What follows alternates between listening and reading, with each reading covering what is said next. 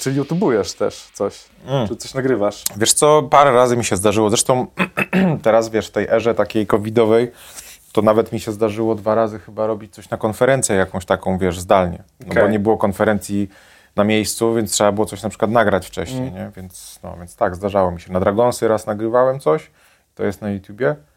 Mm, no i tam właśnie sobie ustawiłem te dwa jągnuła tak po lewej, po prawej, nie? Więc to całkiem fajnie działa. Lepsze są te kółka jednak, no, tak. jak masz aparat w środku, ale znowu no, tego, to jest dla mnie niepraktyczne, bo jak chcę widzieć monitor, no to nie mogę sobie takiego kółka położyć no przed sobą, bo przed sobą mam monitor, nie? Więc no, tego nie, nie da rady użyć, ale, ale jakby tak wiesz, człowiek chciał siedzieć po prostu i tylko gadać do kamery, no to to jest super rozwiązanie, bo masz fajne, miękkie światło, no, wiesz, no, dookoła wiesz, twarzy. Dla vlogerów coś tam to jest no, spoko opcja. Super, bardzo fajne to jest. No to fajnie. Yy, tak sobie właśnie optymistycznie rozmawiamy o tym, jak to się na tych YouTubach żyje. Yy, I moim gościem w dzisiejszym odcinku Nightcastu jest e, Patryk Scelina. Cześć Patryku. Cześć, dzięki, cześć. Nie jesteś rycerzem, chociaż troszkę, troszkę tak.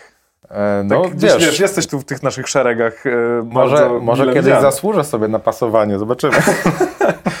no, myślę, że e, po tym odcinku e, z pewnością e, będziesz zasługiwał i, i, postaram się, żebyś został tytułowany. Już tam kolega admin, będziemy szykowali konta rycerskie dla pana, proszę tam pamiętać. Patryk, ty się zajmujesz muzyką do gier i nie ukrywam, e, to jest temat e, memu sercu bliski, ogólnie, ogólnie muzyka i tak dalej. I czekałem długo na, na tą naszą rozmowę. Jesteś ogólnie też moim pierwszym gościem, który nie jest rycerzem, nie jest samurajem, nie pracujesz bezpośrednio u nas, e, choć z nami zdarza ci się współpracować, ale do tego przejdziemy sobie później. Ja na początku chciałbym w ogóle zadać tutaj takie kilka osobistych pytań, okay. ale spokojnie Dobra. nie będzie, czy śpiewasz pod... Dobra, będzie. Śpiewasz pod prysznicem? Nie mam, nie mam prysznica. Kurczę, śpiewasz w wannie? Szybko się adaptuje. E, jak długo zajmujesz się muzyką? E, ale tak zawodowo, czy w tak ogóle? Ogólnie. Tak ogólnie. No tak ogólnie to bardzo długo, bo sobie już od dziecka mnie to pasjonowało, także gdzieś e, od kiedy odkryłem, że w ogóle na komputerze można e, jakiekolwiek dźwięki tworzyć, czy wyzwalać jakieś dźwięki z komputera, no to, to, to, to w zasadzie od tego momentu, także gdzieś od nie wiem, 13, 14 roku życia. No, powiedzmy, za moich czasów zaczynało się trochę później, bo ta technologia no, nie była tak rozwinięta jak dzisiaj, no bo dzisiaj dzieciaki już dziesięcioletnie mogą sobie na iPadzie robić muzykę, natomiast no, w tych czasach, czyli gdzieś pod koniec, no może nie pod koniec lat 80., ale w połowie lat 90., mm, no to już pierwsze, można powiedzieć, takie programy amatorskie muzyczne się pojawiały na PC-tach. Więc mm. można było coś już kombinować, można było już coś kleić. E, wcześniej było to zarezerwowane jednak już e, bardziej dla profesjonalnych studiów. Trzeba było mieć odpowiedni sprzęt, bo na takim zwykłym komputerze nie dało się na przykład uruchomić jakiegoś programu, wiesz, takiego zawodowego, bo musiałeś mieć jeszcze hardware, który to wspierał i tak mm. dalej, nie? Dzisiaj to już jest bardzo proste, bo w zasadzie na wszystkim te programy muzyczne działają. No, ale to gdzieś tak. E, taki pierwszy instrument, od którego zaczynałeś? Wiesz co, zawsze miałem, to, to, jest, to jest śmieszne może, ale pamiętam jak zobaczyłem e, w telewizji, będąc małym dzieckiem, Freddy'ego Krug Krugera. Freddy'ego Mer Mercurego. Freddy Krüger dawałby sobie radę na, na fortepianie z nożami. Myślę, że e, mógłby. Na gitarze gorzej. Chociaż wiesz, tymi, tymi, tymi e, paznokciami jakby, tak, jakby no. tak troszkę popracował, to myślę, że nawet fajne rzeczy by mm. wychodziły. No tak, to było, to było słabe. Freddie Mercury. E, Freddie Mercury. Pamiętam jak go zobaczyłem, e, koncert był w telewizji. Mm, nie pamiętam tego dobrze, bo naprawdę byłem wtedy bardzo mały. E, mam jakieś przebłyski tylko, ale pamiętam, że mega mi się podobało to, jak on brał ten swój mikrofon na takim nie do końca pełnym statywie. Mm -hmm. I z tym mikrofonem podchodził do fortepianu, tam sobie go wpinał w, w statyw, siadał przy fortepianie, zaczynał grać i śpiewać. I jakoś tak mi to utkwiło w pamięci, że Pamiętam, że wtedy pomyślałem sobie, że też chciałbym grać na fortepianie. O. Jakoś tak mi zostało. To, to co jest śmieszne w sumie, bo większość e, dzieciaków e, marzy o tym, żeby grać na gitarze. A jakoś do mnie gitara nigdy nie przemawiała. Zawsze miałem jakieś tako, coś takiego, że fortepian e, po prostu robił na mnie największe wrażenie i, i zawsze marzyłem o tym, żeby umieć na nim grać. No, nie umiem jakoś specjalnie grać, ale, Ale wykorzystuję. No, ja wiem, czy, czy nie umiesz, wiesz, jakby jak słucham, słucham twoich soundtracków, e, ogólnie twoich kompozycji, to nie brzmi jakbyś nie umiał, wiesz, grać na, na instrumencie. Wiesz, dużo można wyćwiczyć. to prawda. Właśnie, kończyłeś jakąś szkołę? Nie, e, miałem... Czy nie pytam o podstawówkę? Miałem... To... Tak, tak, tak, tak, tak, tak, tak. Byłem w przedszkolu przez dwa tygodnie. E, nie, natomiast jeśli chodzi o szkołę muzyczną, miałem e, krótką przygodę, e, ale właśnie, dosyć krótką niecałe chyba dwa lata. I, i to w zasadzie tyle. Nie, nie, nie podołałem generalnie temu systemowi edukacji, bo od samego początku miałem taką, e, bo sam się zapisałem, e, już będąc e, chyba 15 czy 16 latkiem.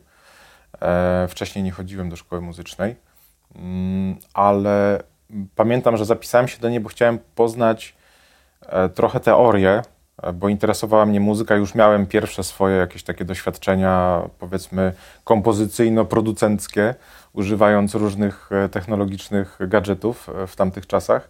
No więc chciałem się czegoś nauczyć, żeby mieć jakieś podstawy takie e, akademickie. I, no i niestety przerosła, przerosła mnie ta nauka w, w tej szkole muzycznej ze względu na to, że to było po pierwsze strasznie takie mozolne, monotonne, co kompletnie nie, nie jest kompatybilna z moją naturą.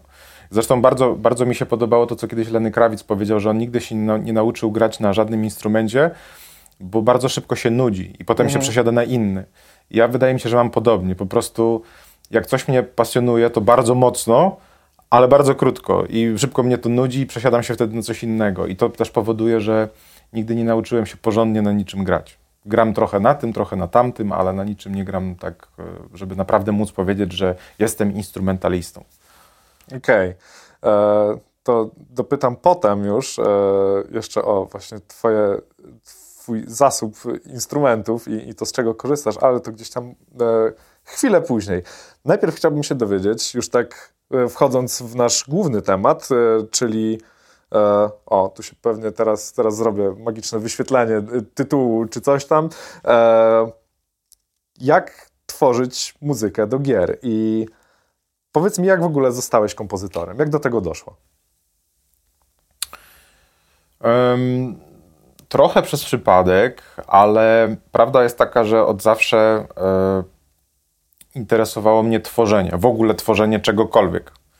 To, że skończyło się na tworzeniu muzyki, to jest trochę przypadek i trochę upór, e, bo w pewnym momencie sobie zdałem sprawę, że to jest chyba to, co najbardziej mnie interesuje i to, co chyba byłbym w stanie robić e, do końca życia, nie nudząc się aż tak bardzo. Ale prawda jest taka, że dużo rzeczy mnie interesowało, jeżeli chodzi o kreację, tworzenie obrazu, nawet e, pisanie, chociaż nie, nie mogę powiedzieć, żebym potrafił pisać, ale zawsze mnie to fascynowało. E, pisanie na przykład e, powieści, pisanie, w ogóle opowiadanie historii, więc wszystko, co związane z jakąś taką kreacją, zawsze mnie interesowało i, i miałem różne przygody właśnie, e, czy to na studiach, czy później po studiach, bo zajmowałem się czy też przez, przez w sumie chyba 7 lat postprodukcją obrazu o, zawodowo. Także zajmowałem się kompozytingiem, E, pracowałem przez chwilę też jako animator 3D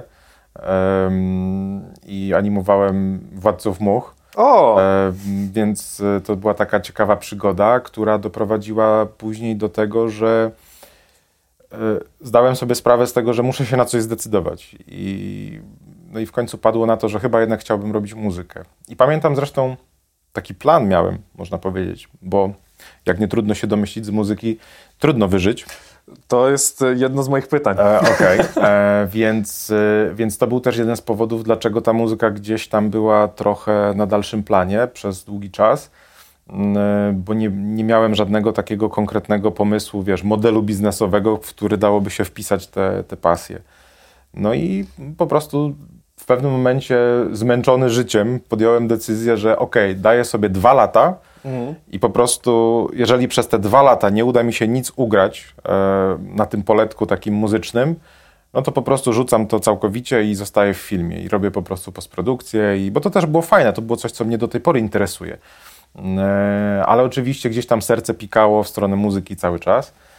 No i dziwnym trafem po tych dwóch latach się okazało, że jednak coś tam drgnęło. To nie, to nie był oczywiście jakiś spektakularny sukces, ale drgnęło na tyle, że uwierzyłem, że jestem w stanie e, coś dalej robić w tym, e, w tym kierunku. A od, tak czego, od czego się zaczęło w takim razie, skoro mówisz, że coś tam drgnęło, ale jeszcze nie tak, żeby od razu można odbębniać sukces? Mhm. E, wiesz co, ja zacząłem produkować muzykę mm, taką, która, która służy do licencjonowania. Mhm. Muzykę produkcyjną, tak zwaną. I trochę przypadkiem e, udało mi się podpisać kontrakt z jednym z największych dystrybutorów takiej muzyki na świecie, z firmą BMG. E, no bo na rynku mamy w sumie w tej chwili takich czterech, chyba może pięciu dużych graczy. To jest Universal, to jest um, Extreme Music, dosyć nowe, założone przez Hansa Zimmera, między innymi tam mhm. z, z kolegami. E, jest Warner Chapel, e, no i jest BMG. Mhm. No i jak wpadło to BMG zainteresowane, bo to jakoś tak było, że ktoś od nich do mnie napisał po prostu, e, przez mojego SoundClouda po prostu dotarli okay. jakoś tam do mnie. No więc jak sobie pomyślałem, że kurczę, no fajna okazja, trzeba byłoby spróbować, więc y, zacząłem produkować album, y, który, na który jakiś tam miałem mglisty pomysł i pamiętam, że gdzieś po pół roku chyba pracy nad tym albumem po godzinach, bo wtedy cały czas jeszcze pracowałem e, w postprodukcji takiej powiedzmy filmowo-telewizyjnej. Mm, udało się ten album wydać, e, no i on sobie do tej pory leży i sprzedaje się, zarabia i tak dalej. I w międzyczasie produkowałem kolejne. Jak już zobaczyłem ten, po tym pierwszym, zobaczyłem, że coś tam drgnęło, no to zacząłem robić kolejne. Więc, e, więc to był taki początek, powiedzmy, tej, e, tej drogi, która pozwoliła uwierzyć, że da się coś na tym zarobić. Bo wcześniej to było cały czas takie tworzenie muzyki od przypadku do przypadku, które no, no jest mało jednak zachęcające, no bo jeżeli tam raz na pół roku trafi ci się jakieś zlecenie, za które dostaniesz parę groszy, no to jednak powoduje, że no musisz mieć inną pracę, bo nie byłbyś w stanie po prostu się utrzymać. A, a widząc, że ta muzyka produkcyjna daje jednak jakieś owoce, no to uwierzyłem w to, że jestem w stanie teoretycznie pójść w ten model. Co oczywiście później się wywróciło do góry nogami, bo w międzyczasie pojawiły się gry, jakieś muzyka do robienia, do, do robienia muzyki do innych projektów. Um, więc w tym momencie ta muzyka produkcyjna gdzieś tam u mnie niestety kuleje i poszła, poszła troszkę w odstawkę, ale chciałbym do tego wrócić na pewno z, za jakiś czas, jak tylko będę miał trochę czasu. No to jak do tego doszło, że w, pojawiłeś się w świecie gier? I od jakiego projektu y, zacząłeś? Mhm. Mm, no, wiesz co, gry mnie, oczywiście, będąc dzieckiem, grałem w gry, więc to, to było coś, co, co, co mnie fascynowało. Należy jeszcze, można powiedzieć, do jednego z tych pierwszych pokoleń, które, które miało te, e, te szanse, żeby w ogóle w coś pograć za, za dziecka. E, a w momencie, kiedy zacząłem słyszeć w, w różnych produkcjach, że ta muzyka już przestała E, powiedzmy e, bazować na chiptunach, mhm. bo to jest coś, co wydaje mi się powodowało przez wiele lat, że nie interesował mnie ten temat, dlatego że taka muzyka chiptunowa 8-bitowa czy 16-bitowa niespecjalnie mnie kręciła. Zawsze mnie kręciła muzyka żywa, orkiestrowa, e, czy nawet nie orkiestrowa, ale w ogóle muzyka, która, która wykorzystuje jakby pełnię możliwości produkcyjnych, a nie jest dostosowana do tego, że do jakiś tam syntezator w, e, w jakimś komputerze po prostu gra jedną barwą i, i to jest koniec. Co oczywiście ma swoje zalety, jest fajne, ale mnie to nie kręciło. Więc jak zrozumiałem, że można już robić do gier muzykę taką powiedzmy, która trochę przypomina muzykę filmową, to wtedy zaczęło mnie to kręcić. Um, I Pierwszy projekt, nie wiem czy to był pierwszy, ale wydaje mi się, że jeden z pierwszych.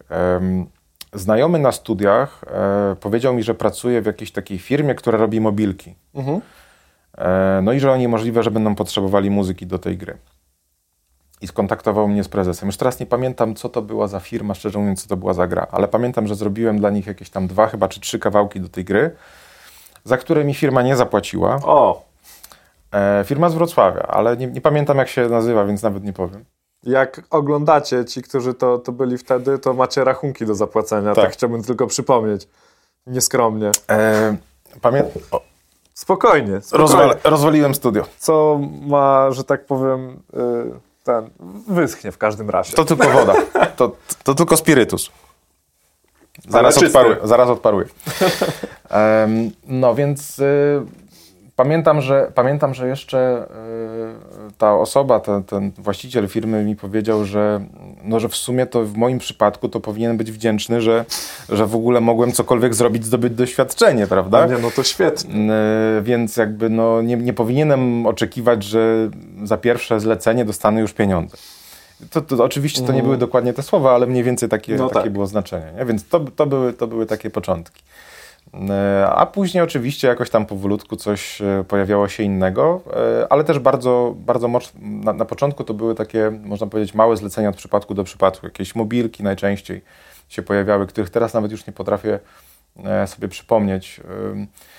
Powiem szczerze, że e, po tym jak mnie zaprosiłeś tutaj, to zacząłem sobie szukać jakichś takich swoich starych kawałków, żeby sobie w ogóle przypomnieć, co ja robiłem, ale te moje backupy nie sięgają aż tak daleko. Mhm. E, poza tym, co niektóre backupy, przez to, że to jednak było wiele lat temu, e, mm, są na jakichś starych płytach w ogóle jeszcze, wiesz, powypalanych, O. więc, a nie na dyskach twardych. No Także to też jest coś takiego, do, do czego ciężko czasem dotrzeć, zwłaszcza jeśli nie jest to dobrze podpisane. No, ale to, to, to takie były początki. Właśnie miałem zapytać, jak wysoki jest próg wejścia do game devu jako kompozytora, ale wygląda na to, że dosyć, dosyć wysoki, skoro się można Wiesz wiesz, co? zderzyć z problemem. E, I tutaj zapytam o taką dodatkową rzecz w sumie. E, czy właśnie ludzie znajdują ciebie, czy to ty znajdujesz firmy? Wydaje mi się, że ten, e, że ten próg wejścia czy poprzeczka powoli trochę się obniża. E, Choćby z tego względu, że coraz więcej, jeżeli mówimy oczywiście o naszym rynku, ale wydaje mi się, że to może dotyczyć też, też tego rynku powiedzmy globalnego, że tych produkcji jest coraz więcej, co powoduje, że na rynku po prostu jest coraz więcej miejsca i też coraz więcej tych młodych firm e, potrzebuje muzyki, więc y, automatycznie otwierają się gdzieś tam te drzwi. Natomiast tak jak często się żartuje, że na rynku pracy poszukiwani są ludzie młodzi z 30-letnim doświadczeniem, to wydaje mi się, że w przypadku kompozytorów do gier to, to, to się mniej więcej wpisuje w ten schemat. że istnieje jakaś taka, mm, jakaś taka tendencja właśnie do, do szukania ludzi z dorobkiem. E, nie wiem do końca z czego to wynika, prawdę mówiąc, ale często tak jest. Może to jest, może to jest kwestia tego, że jeżeli jakieś studio poszukuje kogoś, kto robi muzykę, to szukają też kogoś, kto jakby będą mieli pewność, że ta osoba nie zawiezie, nie, nie zawiedzie. Nie? Że, że dowie, Mhm. tak, dowiezie projekt do końca. Dużo pracy, którą ta osoba musi zrobić, zanim w ogóle też usłyszą jakiś konkret. Tak. E, no, Poza jest... tym, y, poza tym, wiedząc jak y, wygląda game dev, y, często się zdarza tak, że wszystko się przeciąga, prawda? Przesuwa się w czasie, e, są jakieś tam opóźnienia. No i na przykład w momencie, kiedy kompozytor dostaje już jakiś materiał do pracy, to już jest na tyle późno, że już trzeba naprawdę zasuwać, żeby to dowieść na czas. E, No i wtedy rzeczywiście mm, taki atut y, w postaci dużego doświadczenia pomaga, no bo wtedy wiadomo, że taka osoba, jeżeli ma tam ten miesiąc czy dwa miesiące, no to sobie poradzi. A jeżeli weźmie się kogoś, kto tego doświadczenia nie ma, no to może się okazać, że po prostu gdzieś w połowie pracy rozłoży ręce i, i powie, że no nie dam rady, bo mam za mało czasu. Na przykład. Nie mówię, że tak by było, ale wydaje mi się, że mogą być takie obawy. I to też pow- może powodować właśnie, że, e, że ten próg e, jest dosyć wysoki. No i zresztą myślę, że można też e, posłuchać e, historii tych wszystkich kompozytorów, których znamy, którzy, którzy dzisiaj są rozpoznawalni. I, jeżeli posłuchamy ich historii, to wydaje mi się, że w 80% przypadków e, będzie prawdą to, że kariery tych osób zaczęły się od tego, że gdzieś tam kolega czy koleżanka pracowała w takim studio i na przykład, y, no nie wiem, pod, podłożyła tam prezesowi czy, czy powiedzmy producentowi płytę z, z demo, prawda? Więc takich historii jest sporo i, i one są też prawdziwe. Oczywiście wiadomo, że jeżeli taka osoba, która tworzy muzykę, no nie zrobiłaby wrażenia, no to i tak by nic z tego nie wyszło. Ale w dzisiejszych czasach połową sukcesu jest to, że ktoś w ogóle to usłyszy. Bo e, zresztą każdy chyba jest winny temu e, i każdy miał takie, takie przygody i, i, i, początki, że wysyłał po prostu swoje portfolio gdzieś tam, prawda? Mhm. Czy to na maila, czy, czy w jakikolwiek inny sposób. No a prawda jest taka, że ta metoda jest kompletnie nie, nieskuteczna. Zresztą nawet mój znajomy, który e, prowadzi studio, z którym często współpracuję, e, kiedyś mi powiedział, że zdarza się, że nawet, że nawet w ciągu jednego dnia dostaje kilka maili od kompozytorów. I on po prostu nawet tego nie otwiera, od razu to kasuje, bo, e, no bo nie, ma, nie ma, po pierwsze nie ma takiej potrzeby, a po drugie mm, staje się to spamem. Dlatego ja też rozumiem to, że deweloperzy często reagują może nawet złością, jak widzą, że tam kolejny kompozytor do nich pisze. Natomiast to wynika z tego, że po prostu jest tak dużo osób, które chciałoby to robić, które nawet mają predyspozycję do tego, żeby to robić, ale nie mają żadnego pomysłu na to, w jaki sposób e, właśnie przebić się do osób, które o tym decydują, prawda? No mam teraz w pamięci co najmniej dwóch moich kumpli, którzy normalnie zajmują się E, czymś tam w życiu, e, ale grają od, od dawna, bo nie wiem, mają swoje zespoły czy coś w tym rodzaju i też zadają mi to pytanie, jak, mhm. jak to zrobić, żeby zacząć komponować dla game devów właśnie. Mhm. No pytają mnie, no bo w tym siedzę, ja mhm. im mówię, nie wiem, w sumie, bo nie mamy aktualnie potrzeb na przykład projektowych w ogóle. Jasne. Więc Wiesz... Y, tutaj, tutaj chciałbym ponowić pytanie. To jest tak, że odzywają się do ciebie, bo cię znają, czy faktycznie gdzieś ty uderzasz, bo wiesz, że na przykład jakiś projekt się robi i... Yy, bo nie wiem, bo ktoś ci tam powiedział mhm. i, i po prostu mówisz, to słuchajcie, może wam skomponuję muzykę. Wiesz co, w tej chwili już mi się nie zdarza praktycznie w ogóle nie wiem, wysyłać jakichś takich randomowych maili e, do jakiegoś studia, którego nie znam.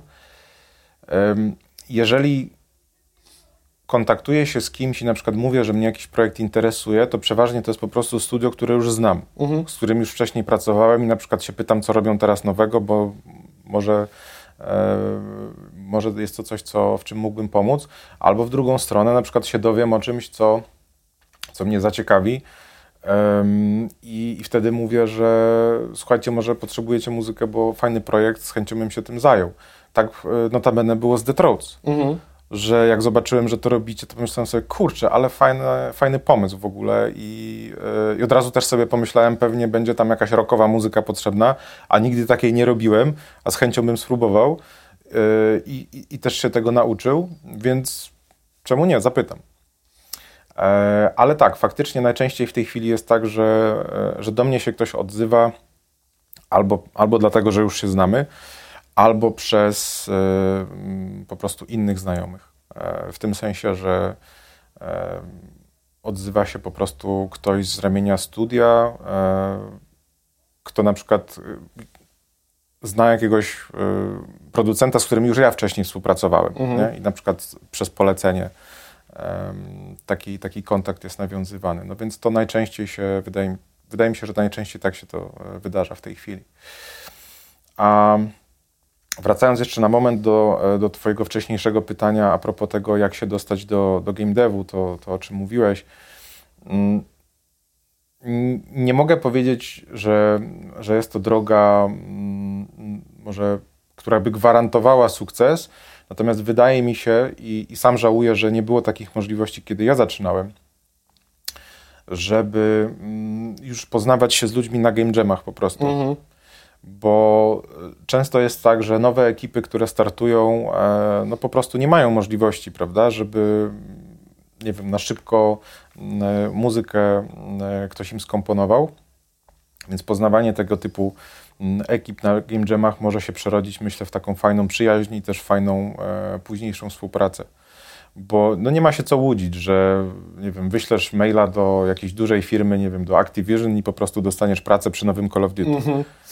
No bo to jest coś, co się raczej nie wydarzy. W takich dużych, e, w takich dużych firmach już najczęściej z tego, co słyszałem, e, już nawet, nawet nie kompozytorzy się kontaktują z, z produkcją, tylko po prostu są agenci i to agencje po prostu zarządzają jakby karierami ty, tych kompozytorów, okay. którzy pracują przy tych największych tytułach. Rozumiem. E, jesteśmy przy grach, to zapytam, e, czy w ogóle masz czas na to, żeby grać w gry? To jest dobre pytanie. Mm, ostatnio nie mam. W ogóle zacząłem grać, e, bo ja, ja, mam w ogóle takie opóźnienie bardzo duże, jeżeli chodzi o, e, o tytuły. A to ja też, jestem dopiero po pierwszym Wiedźminie. A, no to, to, to nieźle, to nieźle, to nieźle. E, no to ja tak miałem w tamtym roku, pamiętam, e, chyba przed świętami. Obiecałem sobie, że zacznę nadrabiać wszystkie stare tytuły, czy dwa lata temu, nie wiem, bo czas, czas tak strasznie szybko leci ostatnio, że już mi się to myli. Już, kiedyś mi się myliły tygodnie, potem miesiące, teraz już, już mi się lata mylą. Ale w którymś momencie w życiu postanowiłem, że zacznę nadrabiać wszystkie stare tytuły. I zacząłem od Wolfensteina, którego kupiłem w 2014 chyba roku. Mhm. To był New Order. I pamiętam, że ja go zainstalowałem, przeszedłem chyba jakiś tam pierwszy level i, i koniec. I zacząłem od tego i przeszedłem tego Wolfensteina. Tak się wkręciłem, że przeszedłem później wszystkie kolejne Wolfensteiny, bo e, po prostu e, już byłem na fali, wiesz, tego, mm. tego świata. E, no a potem zacząłem nadrabiać kolejne tytuły. Najczęściej były to gry, które kupiłem i które niesławnie, wiesz, stały na półce, czasami nawet nie zainstalowane. Ach, kubka wstydu. Tak, taka rosnąca. kubka wstydu. więc później, później przeszedłem Quantum Break, w które chciałem zawsze e, zagrać, ale też właśnie jakoś dziwnym trafem tego nie robiłem. No i później kolejne tytuły sobie nadrabiałem i teraz jestem na etapie Cyberpunka. O, Także, ojej, którego zacząłem jakoś chyba wiosną. Mhm. No i przyznam szczerze, jeszcze nie skończyłem, e, zwłaszcza, że przez ostatnie dwa miesiące chyba nie zagrałem ani razu, e, bo po prostu nie miałem czasu, żeby do tego usiąść, albo byłem już zbyt zmęczony wieczorem po prostu, żeby grać w cokolwiek. Słuchałeś soundtracku w całości? Tak, tak, jasne. I co uważasz? Nie no, soundtrack mi się bardzo podoba. Zresztą to jest też wydaje mi się fajna, fajna w ogóle taka referencja do, e, do takich e, gier, które są w tym klimacie cyberpunkowym, bo e, jesteśmy przyzwyczajeni w sumie do takiej muzyki cyberpunkowej z lat 80. i tak. tutaj fajnie oni. Zresztą słuchałem wywiadu z, z Marcinem Przybyłowiczem, który opowiadał, że oni właśnie mieli taki pomysł, żeby żeby uciec od, y, od, tej, y, od tej muzyki, którą znamy z lat 80., nie? żeby zrobić coś po prostu bardziej współczesnego, coś bardziej mm. oryginalnego i to im się świetnie udało. Bardzo mi się to podoba. Ja jestem absolutnie zakochany i w, mm. samej, w samej grze, którą na szczęście udało mi się przejść, ale też miałem tak, że jak zacząłem, to e, nastąpiła nagle ni stąd, ni zowąd przerwa na jakieś trzy miesiące chyba. E, ale no, grając nawet w samą grę, jak się wsłuchiwałem w soundtrack, to było takie wow, jak to jest genialny, mhm. dobrze zrobiony. Fajnie, bardzo fajnie. No. A ogólnie ulubiony typ lub ulubiona gra? Bo tak czasami ciężko jest trafić w jeden konkretny tak. tytuł, dlatego pytam od razu o typ. Wiesz co, mam, e, mam jeszcze chyba e, jakiś taki efekt nostalgii po prostu, e, bo moją pierwszą grą taką na, na PC-cie z procesorem Pentium, bo nie mówię o, o wcześniejszych, to był Red Alert. O. I zakochałem się w RTS-ach przez Red Alerta. Może nie we wszystkich, bo później było sporo RTS-ów, bo na fali popularności Red Alerta wypłynęło masa, wypłynęła masa innych RTS-ów, które już nie były wcale takie fajne. Ale generalnie ten, ten, ten typ gry e, gdzieś tam we mnie siedzi cały czas. Także e, StarCrafta uwielbiam.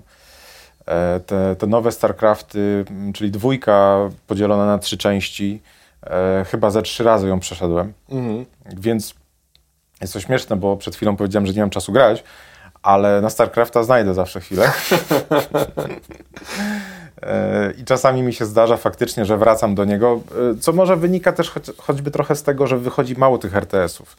I jak myślę sobie o tym, że mam eksperymentować z jakimś RTS-em, który pewnie no, nie będzie tak dobry jak StarCraft, to myślę sobie wtedy, kurczę, dawno nie grałem w StarCrafta, więc czemu by nie przejść go jeszcze raz? No, no tak.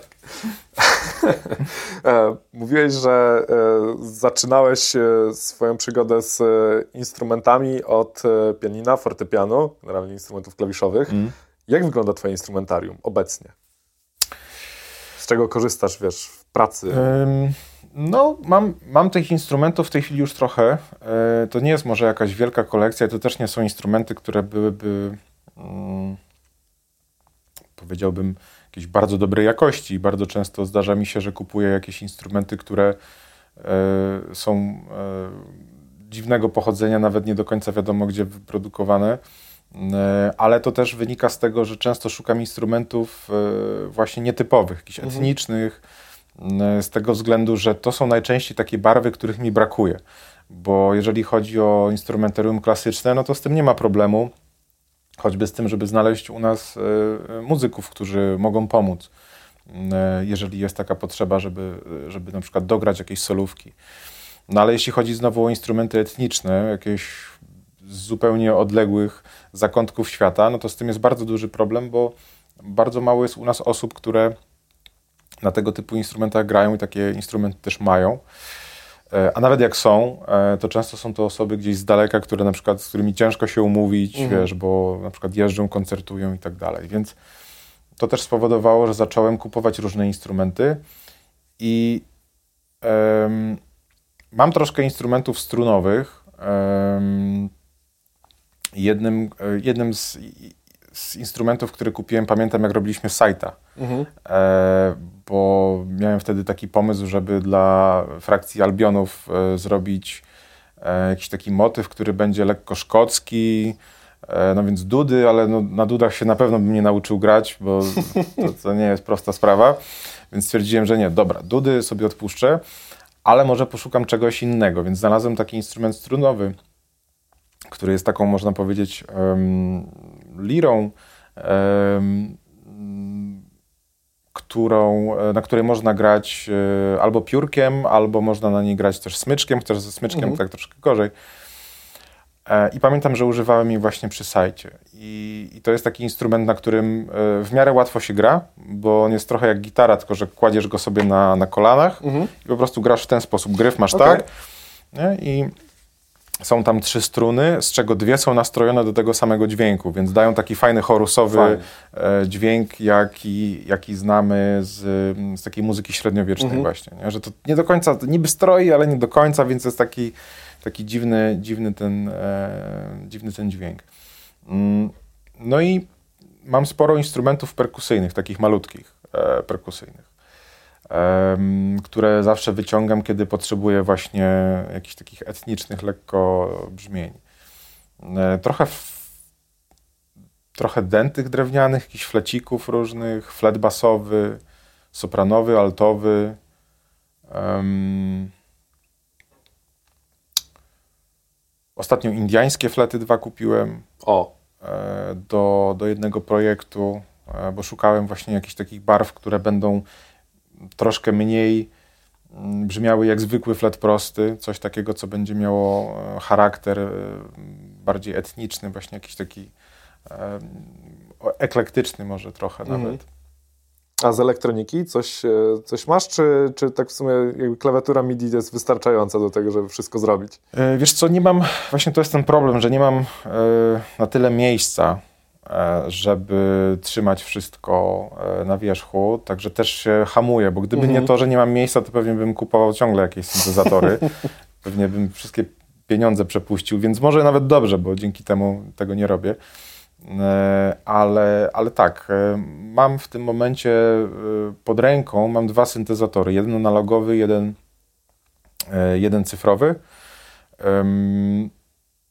I jeszcze dwa syntezatory mam takie cyfrowe, jakieś stare, klawiszowe, które gdzieś tam mam schowane po prostu i okay. które czekają na, na większe studio. Bo nie mam, nie mam po prostu miejsca, żeby je wyciągać. Ale zdarza mi się oczywiście A czasami. A w bieżącym użyciu to, to co to za ten? Ja wiesz, podpytuję, bo, bo sam gdzieś w swojej kolekcji coś tam posiadam. To... E, wiesz co, Hydrasynt, okay. e, tylko że wersja desktopowa, też -hmm. ze względu właśnie na brak miejsca, bo ta, ta Hydra, e, którą, jak ją kupowałem, to nie było jeszcze tych wersji mini. E, więc miałem do wyboru albo ten desktop, który jest mniej więcej taki, no albo wersja klawiszowa, która jest taka. No -hmm. i mhm. stwierdzili, no nie, no nie wsadzę tych klawiszy nigdzie, więc desktopa kupuję. E, potem się pojawiły te wersje mini, więc zacząłem trochę żałować, że nie poczekałem. No ale kto wiedział, kto to No tak. E, a analog to mam, jeżeli chodzi o analog, to mam taką, mam taki klon, klon e, Muga zrobiony przez Behringera. A, Model D. Model D. Model tak. D świetny syntezator. W ogóle jak go kupowałem, e, znaczy zanim go kupiłem, zacząłem szukać y, jakichś, y, wiesz, testów na YouTubie, żeby sprawdzić w ogóle jak to brzmi, czy mhm. to z tym mugiem w ogóle cokolwiek ma wspólnego. I znalazłem nagranie gościa, który miał obok siebie prawdziwego muga mhm. i tego Behringera i miał, podpiętego, miał podpiętą klawiaturę MIDI i grał na zmianę, na jednym, na drugim mhm. i zmieniał ustawienie filtra, rezonansu i innych, e, innych też kontrolerów. No i, po, i jeszcze miał do tego e, wiesz, podpięty analizator, więc można było zobaczyć, jak się tam ta e, sinusoida w ogóle zachowuje, jak się ta fala zachowuje. Więc no, jak na moje ucho to brzmiało po prostu identycznie, więc stwierdziłem, że no, chyba nie będzie źle. No tak. E, oczywiście to, to nie brzmi, Behringer nie brzmi tak fajnie jak mógł, w sensie marki mam na myśli, i to, to, to, więc niektórzy uważają, że to siara mieć e, Behringera, e, ale... No z drugiej strony to jest, wiesz, pięć razy tańszy instrument. Tak, ale właśnie to chodzi, że no, po drugiej stronie nikt tego nie słyszy, no, na czym się. grasz, prawda? No, siara to jest tylko może wtedy, kiedy, kiedy go pokazujesz, że masz go na biurku. To znaczy, ja wiem jak tak teraz patrzę sobie, bo też gdzieś jestem na, na Facebooku, na jakichś grupach syntezatorowych i tak dalej, masa ludzi z tego korzysta i wręcz, y, wręcz dużo ludzi poszukuje, bo, bo czasami ciężko dostać, nie? Bo, nie, ja wiem, no to jest, to jest taka nie, nie, niechlubna może yy, w tej chwili rola Beringera, no bo oni zasłynęli y, z tego właśnie, że wszystko, co się da, to klonują. Tak, tylko że kiedyś robili to źle, a teraz okay. robią to naprawdę dobrze. Szczególnie właśnie teraz klony syntów, jak robią, to, to jest jest na czym tam oko i ucho zawiesić. No, no więc okay. z tego korzystam. E, przy jakich produkcjach pracowałeś, to mniej więcej wiem, bo mówisz, że tu gry to, to jedna rzecz i o to w sumie dzisiaj głównie pytam, ale e, wiem też, że jakieś produkcje filmowe czy serialowe e, masz na swoim koncie, plus właśnie muzykę e, licencjonowaną, tak? Dobrze mówię? Jakbyś miał powiedzieć, mm, z gier twoja ulubiona produkcja, którą zrobiłeś? Um, wydaje mi się, że to, co, to nad czym pracuję teraz, y, ma predyspozycję, żeby zostać moją ulubioną, ale nie mogę jeszcze o tym mówić. Okay. Ale to może być też efekt takiej świeżości, wiesz, bo często tak jest, że jak pracujemy nad czymś aktualnie, to nam się wydaje, że to jest super. Mhm. E, I dobrze później czas oceni. Natomiast sięgając w przeszłość, to wydaje mi się, że niezmiennie mam największy sentyment do My Memory of Us. To była taka gra, która, e, w którą włożyłem chyba najwięcej serca. Mm, może też z tego względu, że po prostu e, sama historia mnie e, bardzo mocno pochłonęła i, i też wywołała duże wrażenie. Do tego na pewno przyczyniło się fakt, że e, do cinematików był nagrywany e, głos Patricka Stewarta, który jest jednym z moich ulubionych aktorów. Zresztą no, jestem fanem Star Treka, więc kto nie uwielbia z fanów Star Treka kapitana Picarda.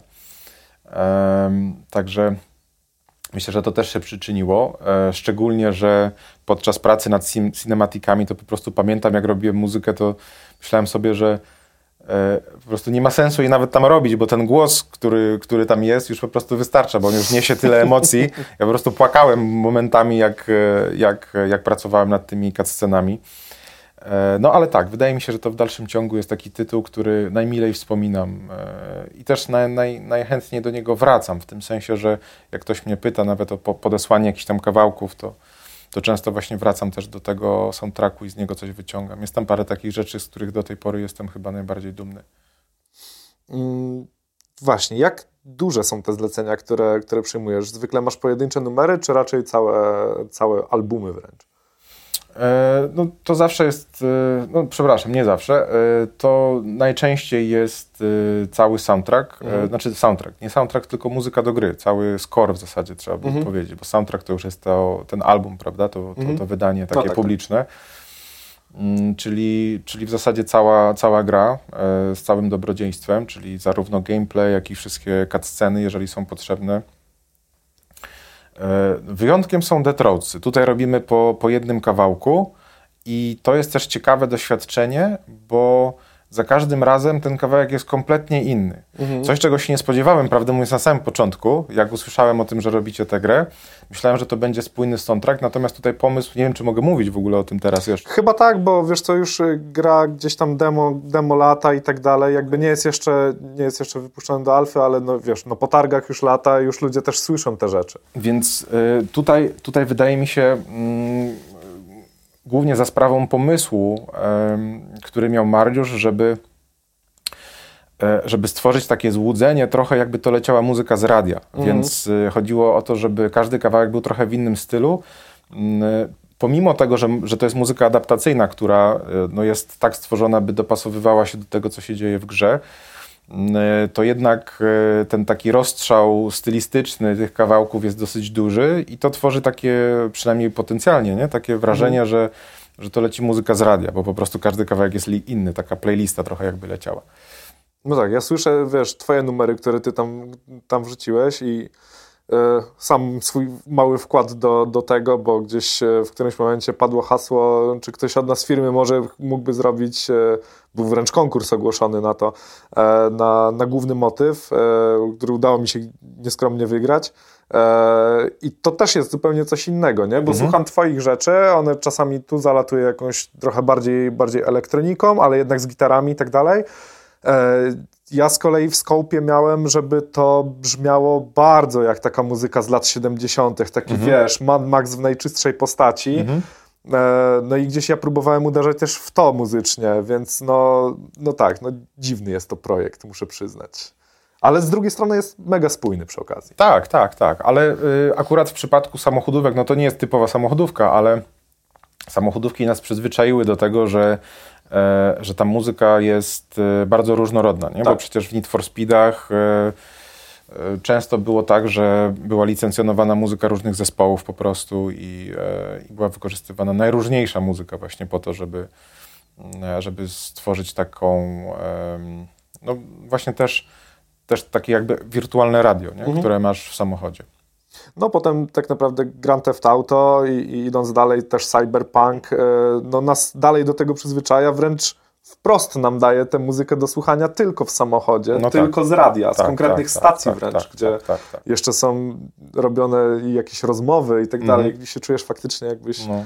radia słuchał. Nie pamiętam, czy to, czy to była pierwsza gra, w której coś takiego zrobiono, ale pamiętam, na mnie to zrobiło duże wrażenie, jak grałem w GTA 2, bo tam było coś takiego, że jak wsiadałeś do audia, pierwsza, pierwsza gra do, do, do, do, samochodu jak wsiadałeś, to jak, jak wciskałeś chyba R, to się chyba przełączało mhm. E, radio. Tam było co prawda trzy opcje chyba, czy coś takiego i to trzy te same kawałki ciągle w, w kółko mhm. leciały, czy, czy też nawet y, te same rozmowy y, speakerów radiowych.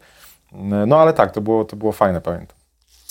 E, patrzę, bo mam dzisiaj strasznie dużą kartkę i strasznie dużo pytań, bo w sumie, o, pokażę ci, bo jak mam, o, na przykład poprzednia osoba to tak ma połowę z tego, co ty, nie? Okay tu jakieś takie, wiesz, dużo białej przestrzeni na dole, a u ciebie wręcz zadrukowało mi jeszcze drugą stronę przez przypadek. Takie ostatnie zdanie gdzieś tam, także muszę się odnaleźć.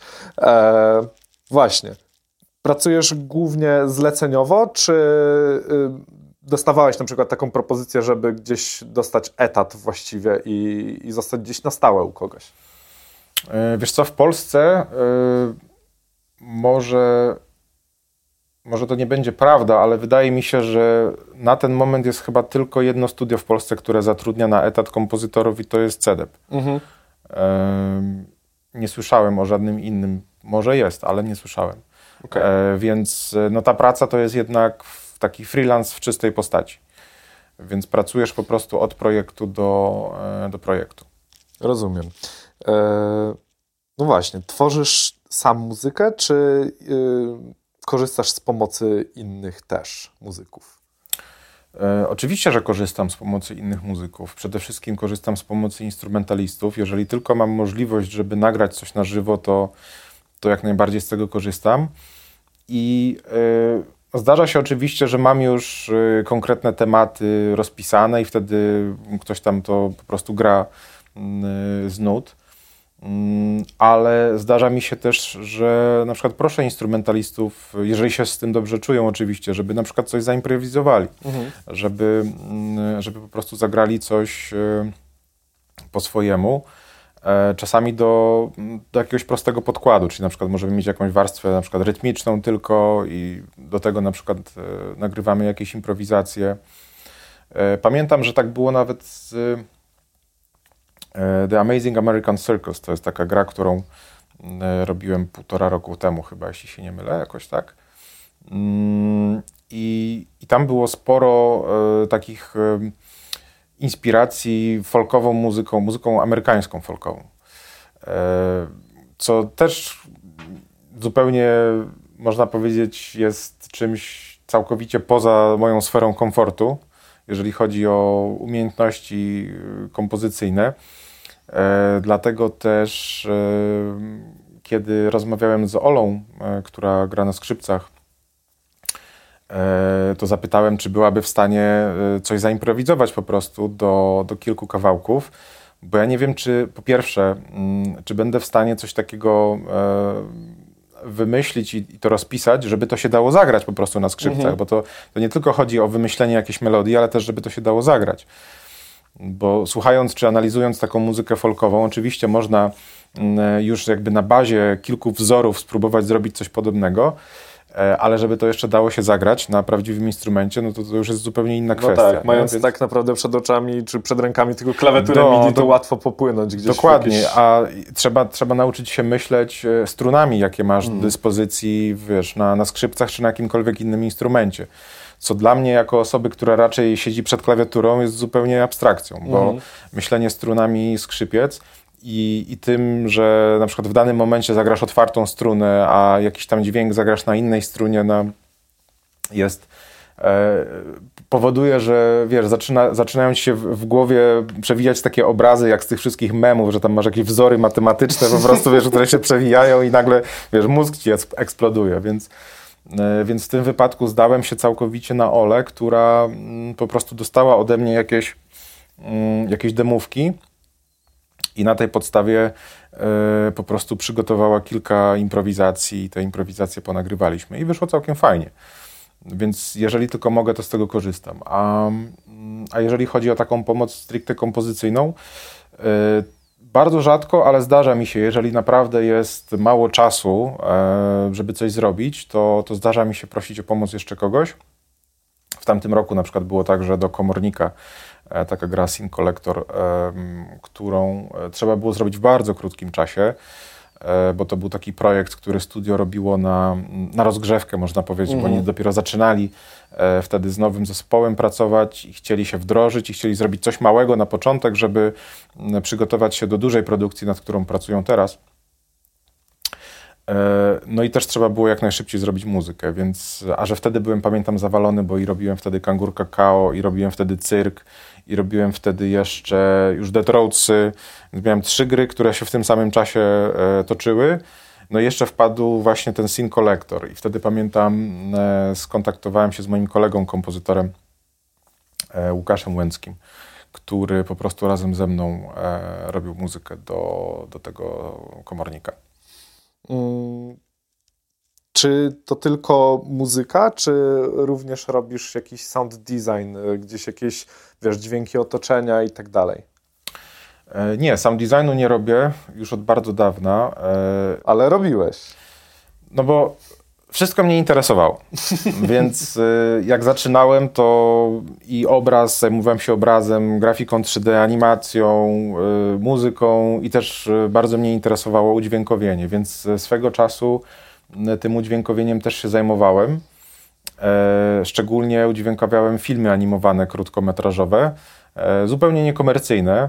E, później jakieś reklamy zdarzało się, e, że robiłem, więc to był też taki jeden z, e, można powiedzieć, z takich no, dodatkowych sposobów na to, by w jakiś sposób w tym świecie komercyjnym przeżyć, nie? W tym, żeby, żeby zajmować się bardziej dźwiękami niż obrazem, mm. ale znowu z muzyki, wiadomo, na samym początku szczególnie ciężko było utrzymać taką stabilność, więc ten dźwięk mi trochę pomagał. Natomiast w pewnym momencie stwierdziłem, że nie jestem w stanie mm, po prostu rozwijać się w jednej i drugiej dziedzinie na tyle, żeby rzeczywiście robić to dobrze. I gdzie i tak nawet z muzyką, e, szczególnie, że tych tych potrzeb e, tak naprawdę jest bardzo dużo, bo to nie jest tylko kompozycja, to jest produkcja, to jest nagrywanie, to jest miksowanie, bo tak naprawdę musimy robić wszystko w większości sami. Nie ma czasu na to, żeby wziąć realizatora, który zmiksuje na przykład muzykę do gry, a potem jeszcze zrobi mastering. Trzeba to najczęściej zrobić samemu. Mm. Dlatego też e, w pewnym momencie odpuściłem całkowicie ten, e, ten sound design i zajął, zająłem się tylko muzyką. Oczywiście można powiedzieć trochę na no, na, na, swoją niekorzyść, bo w game devie szczególnie, zwłaszcza w przypadku mniejszych produkcji, jeżeli ktoś szuka sound designera, to najczęściej takiego, który zajmuje się też muzyką. Nie? To jest jedyne ogłoszenie, jakie możesz znaleźć. Ja już dawno nie zaglądam na ogłoszenia, ale wydaje mi się, że do tej pory tak to się y, utrzymuje, że, że jeżeli jakieś studio szuka sound designera, to gdzieś tam dodają, że no i jeszcze tam kompozycja muzyki przy mhm. okazji. Nie? Więc jakby ktoś tam zrobił wszystko naraz, to jeszcze żeby programował najlepiej, implement, implementował wszystko, no to już w ogóle byłoby super. Mm. No mam takie dziwne wrażenie, w sensie jak tak wiesz, pytają mnie tak już wspomniani, wspomniani gdzieś tam koledzy, e, o to, jak to wygląda, jak to w ogóle wchodzić i, w sumie jakich narzędzi się gdzieś tam uczyć, e, bo słyszeli, że w sumie to oni by musieli też implementować tą, tą muzykę gdzieś, mhm. gdzieś tam, więc no właśnie, i to jest, to jest pytanie, czy ty korzystasz też z tych narzędzi już deweloperskich, które się wykorzystuje w silnikach do, do gier jakoś tak bardziej, czy na zasadzie wrzucisz tam po prostu swoje, swoje numery i niech e, się jakby deweloperzy, programiści już mhm. tym zajmą do końca? To znaczy, ja pracuję w middleware'ach, e, mhm. czyli pracuję na przykład we Fmodzie albo w Wise mhm. Mm, i zajmuję się powiedzmy takim projektowaniem tego systemu muzyki adaptacyjnej, żeby ta muzyka działała, żeby ten system działał w taki sposób, żeby odpowiednio przełączał muzykę e, w danej grze, żeby to było też dobrze wyważone do określonego gameplayu. I to mogę zrobić e, całkowicie właśnie e, w środowisku Wise'a czy, czy w Fmoda. Ale nie zajmuję się już podpinaniem tego do, do silnika gry. Także to już przekazuję programistom i przeważnie po prostu dołączam do tego jakąś dokumentację, która okay. opisuje co trzeba z tym projektem Wise'a na przykład zrobić, czy Fmoda i co tam trzeba, mm, e, których na przykład, które parametry należy zmienić w określonej sytuacji. Więc to już jest w pełni funkcjonalny system, ale to nie jest jeszcze mm, wewnątrz silnika to, co, to, co ja robię. Marzy mi się, żeby się kiedyś nauczyć programować i żeby być bardziej pomocnym, bo to też e, powoduje, że mm, sam miałbym większą kontrolę po prostu nad, mhm. nad muzyką i łatwiej byłoby mi wychwycić pewne i poprawić pewne błędy, gdyby, gdyby się pojawiały, a takie się też pojawiają e, jak najbardziej w muzyce, że na przykład coś się nie odpala, a powinno, coś się nie zmienia, a, a, a tak, powinno, tak, tak. E, albo coś się zmienia, a nie powinno, nie? więc takie rzeczy się też dzieją. E, no i wtedy muszę oczywiście, jeżeli coś takiego wyłapię, no to muszę dać znać, słuchajcie, tutaj coś tam nie działa albo działa nie tak, jak powinno. No i już programiści to e, jakoś muszą, e, prawda, wyłapać, co tam się stało, e, że, że, że to nie działa tak, jak trzeba. Więc no, też bym chciał, ale ciągle mi brakuje czasu na to i też nie mam takich podstaw, żeby żeby do tego programowania przysiąść i żeby rzeczywiście na przykład, nie wiem, tam w dwa tygodnie nauczyć się chociaż takich absolutnych podstaw, żeby być w stanie w ogóle cokolwiek ruszyć. To widzisz, Patryk, to się bardzo dobrze składa, hmm? bo ja uczę programować. O, świetnie! e, I ponoć dobrze mi to idzie. Moi o, studenci mnie chwalą. E, rewelacja. Pozdrawiam serdecznie Was, moja droga lożo szyderców. Dają lajki e, za pół oceny do góry. Naprawdę, jestem przykupny strasznie. Okay. muszę tego spróbować. Nie mogę tego mówić w sumie chyba. Ale... Muszę tego spróbować. Okej, okay, to też dostaniesz pół oceny wyżej.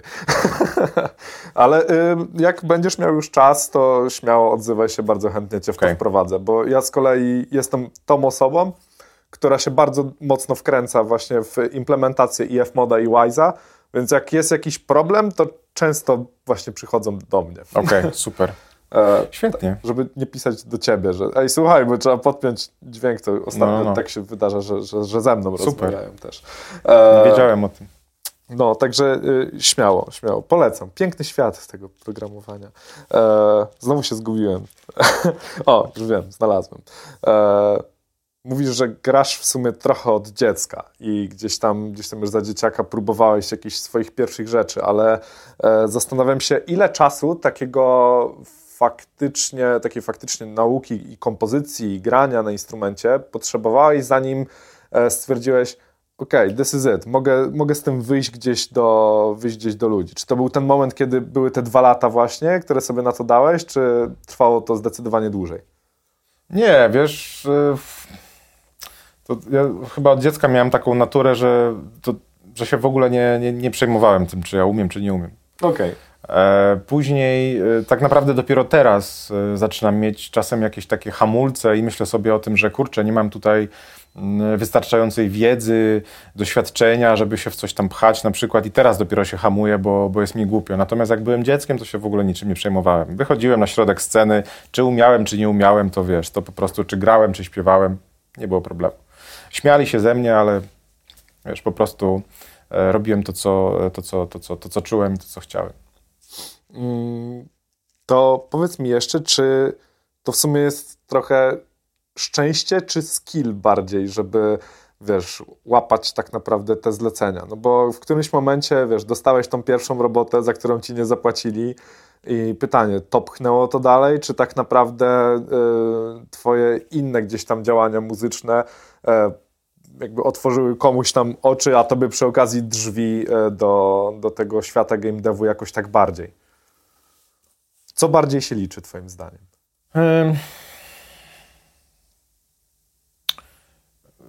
Wiesz, nie, nie wierzę w coś takiego jak absolutne szczęście, ale z drugiej strony y, wierzę w takie szczęście, któremu się pomaga. Mhm. Bo, e, bo to jest trochę tak jak z tym, z tym, z tym dowcipem o totolotku, że Boże, dlaczego ja nie, nie, nie, nie wygrałem nigdy w totolotka, a ten Bóg w końcu mówi do ciebie, no to wyślij los. No, trochę na tej zasadzie.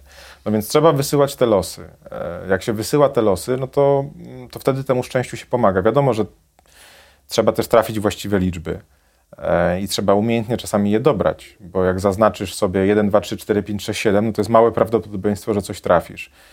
Więc tak używając już tej analogii totolotka, wydaje mi się, że e, że z jednej strony właśnie trzeba mieć szczęście w tym, żeby odpowiednio dobrać liczby, ale przede wszystkim trzeba wysyłać dużo losów. Mhm. Czyli jeżeli mm, robimy muzykę na przykład do, e, do jakiegoś projektu, mamy te, te, te szanse, że możemy coś zrobić, no to fajnie jest, e, przynajmniej ja tak e, zawsze starałem się robić, żeby móc wykorzystać ten projekt, na którym aktualnie pracuję, też w ramach takiej powiedzmy trochę autopromocji na, na przyszłość i też nauki na, na przyszłość. Dlatego też zawsze przy każdym projekcie który robiłem do tej pory, zawsze starałem się podnieść poprzeczkę, w tym sensie, żeby zrobić coś, czego jeszcze nie robiłem. Nie? Za każdym jednym razem, żeby, mm, żeby po prostu nie. Mm, raz, żeby się nie nudzić, no tak, już wiemy, że nudzisz się szybko. E, tak. Mm, a dwa, żeby się rozwijać. E, no i trzy, żeby, żeby też podnosić takie swoje po prostu kwalifikacje zawodowe dzięki temu. Nie? Czyli za każdym razem, z każdym projektem jesteś bogatszy o te doświadczenia, które nie są tylko i wyłącznie kalką tego, co zrobiłeś wcześniej, tylko za każdym razem robisz coś ciekawszego, coś nowszego, coś bardziej zaawansowanego. No i wydaje mi się, że to jest coś, co na pewno pomaga. To, to, coś, co zwiększa też szanse na, na przyszłość, bo zawsze masz coś fajnego, coś nowego, co, mm, e, co podnosi też e, taką, taki trochę można powiedzieć prestiż, e, bo, bo znowu dowiozłeś coś, co jest ciekawsze, coś, co jest lepsze, coś, co jest bardziej zaawansowane. Mm, mówiłeś też o tym, że w, oprócz tego, że musisz skomponować tę muzykę, musisz ją nagrać, no to jeszcze przychodzi do tego cała praca producencka dużo miałeś problemu z tym, żeby, wiesz, złapać takiego fajnego skilla, żeby te utwory faktycznie dobrze, spójnie brzmiały, bo kompozycja to jedno oczywiście, mhm. no ale tej pracy producenckiej z drugiej strony jest też całkiem sporo. No wiesz co, do tej pory się uczę. Ja zresztą e, od samego początku chyba to był zawsze mój największy problem, że, że jak zaczynałem robić muzykę i mm, ją produkować samemu, to zawsze e, czułem, że, że, że najwięcej mam problemów z, z miksem e, i z tym, żeby, żeby ta muzyka brzmiała tak dobrze jak inne komercyjne kawałki, które gdzieś tam sobie możemy posłuchać mhm. prawda, w internecie. Um, z tym zawsze miałem największy problem i, i, i wydaje mi się, że w tej dziedzinie też um, ostatnio najwięcej poświęcam uwagi. To znaczy naj, naj, najpilniej się uczę. I też um, Znowu będę wracał do Detroitsów, ale to jest projekt, który um, dla mnie był, zresztą do tej pory jest, bo w sumie nie skończyliśmy jeszcze, um, jest jednym z największych wyzwań właśnie technicznych z punktu widzenia miksu, bo przez to, że robimy każdy kawałek w innym stylu, mhm. to ja nie mogę y, polegać na tym, co zrobiłem wcześniej. No to, tak. I, to jest, I to jest, to jest niesamowite, bo przeważnie jest tak, że jak zaczynam pracę nad jakąś grą i wiem, że robię cały soundtrack, to zresztą już nie na jednej konferencji o tym opowiadałem i pokazywałem, że zawsze zaczynam od zbudowania takiego jakby szablonu. Mhm. Robię sobie szablon w swoim programie, który polega na tym, że mam na przykład tam, nie wiem, tysiąc ścieżek i to jest ileś tam instrumentów, ileś artykulacji, wszystko jest pospinane, powysyłane do miksera, do odpowiednich efektów. Ustawiam to tak, żeby można było już teoretycznie oczywiście, bo to zawsze się rozwija, ale żeby teoretycznie można było już używać tego, co tam jest mhm. i to już wychodzi to, co wychodzi, to już w zasadzie jest zmiksowany utwór. Nie trzeba tam już za wiele kombinować. Natomiast to, co robimy w Dead Roadsach, kompletnie nie da się tego w, ten sposób ugryźć, bo każdy kawałek jest zupełnie inny, w innym stylu i to wymaga też zupełnie innego podejścia do, do produkcji i do miksowania. Na przykład tak jak tu znowu będę zahaczał o coś, czego pewnie jeszcze nie pokazywaliście. Tak jak ostatnio na przykład robiliśmy kawałek taki trochę w stylu lat 80., to ja w ogóle jak zabierałem się za ten numer, E, to raz, że musiałem sporo się nasłuchać takiej muzyki z lat 80., której prawdę mówiąc w dzieciństwie nie słuchałem za dużo. Gdzieś tam słuchałem ją przez, przez to, że, że ona była wszechobecna, mhm.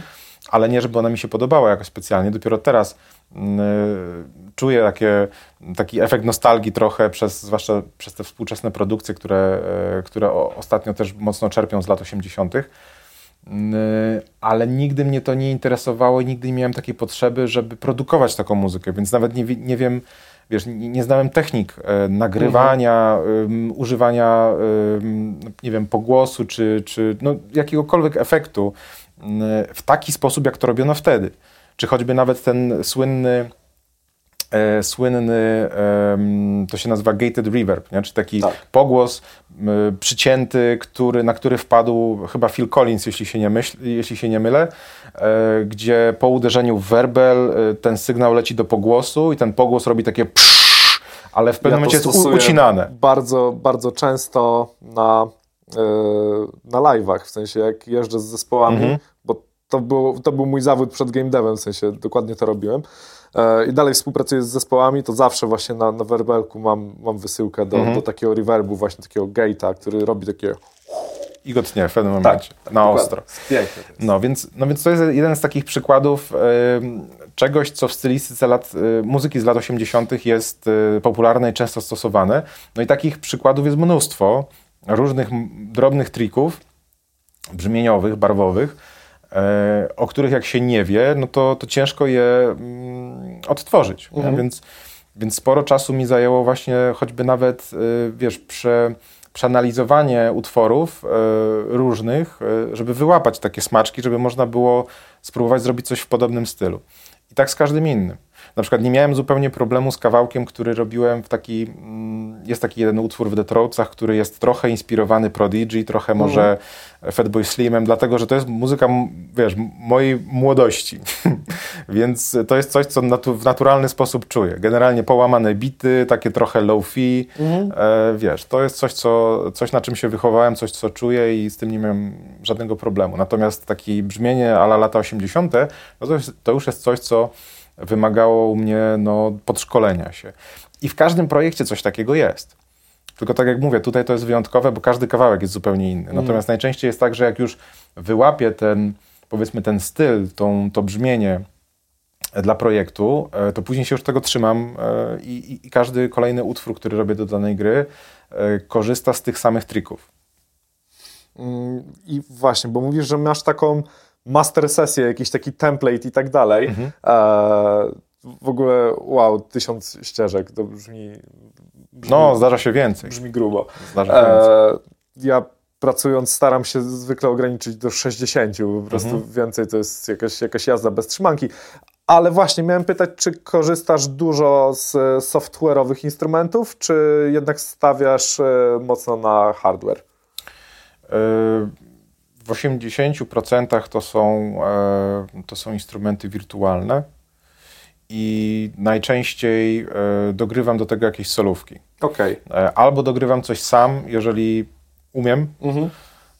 albo korzystam z pomocy instrumentalistów. Jeżeli tylko mam taką możliwość, to nagrywamy sobie coś po prostu w studio. Czy to jednorazowo, na sam koniec, to bardzo mocno zależy od tak naprawdę od sposobu produkcji i też od tego, jak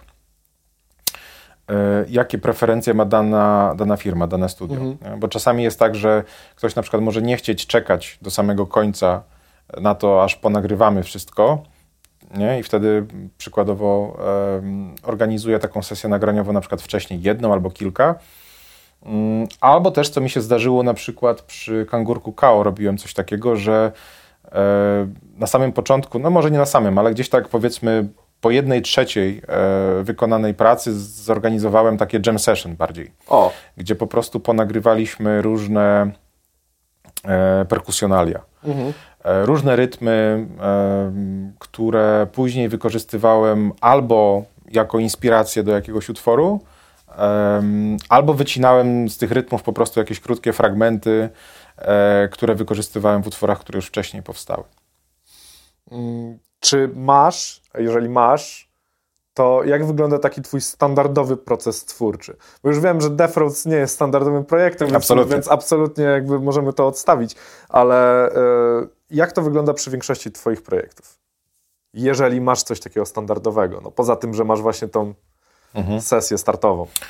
Wiesz, staram się, mm, jeżeli tylko, jeżeli tylko mogę, mam czas i, i taki komfort psychiczny, to staram się zawsze właśnie e, najpierw stworzyć taki właśnie template, template który zawiera już e, większość instrumentów wirtualnych, które pasują do danego projektu. Czyli na przykład, jeżeli wiem, że chciałbym używać na przykład małego, jakiegoś małego składu, gdzie będzie sekcja smyczkowa, na przykład jakaś nieduża, albo jakaś mała sekcja denta, może jakieś perkusjonalia, e, to wtedy szukam sobie po prostu odpowiednich e, narzędzi do tego. Mhm. Na tej podstawie buduję sobie ten swój szablon. Ustawiam już odpowiednio wszystkie pogłosy, EQ i jakieś inne rzeczy. I do tego dodaję zawsze sobie też na samej górze w takim projekcie mm, takie powiedzmy ślady do szkicowania, gdzie mam generalnie pianino, czy tam fortepian.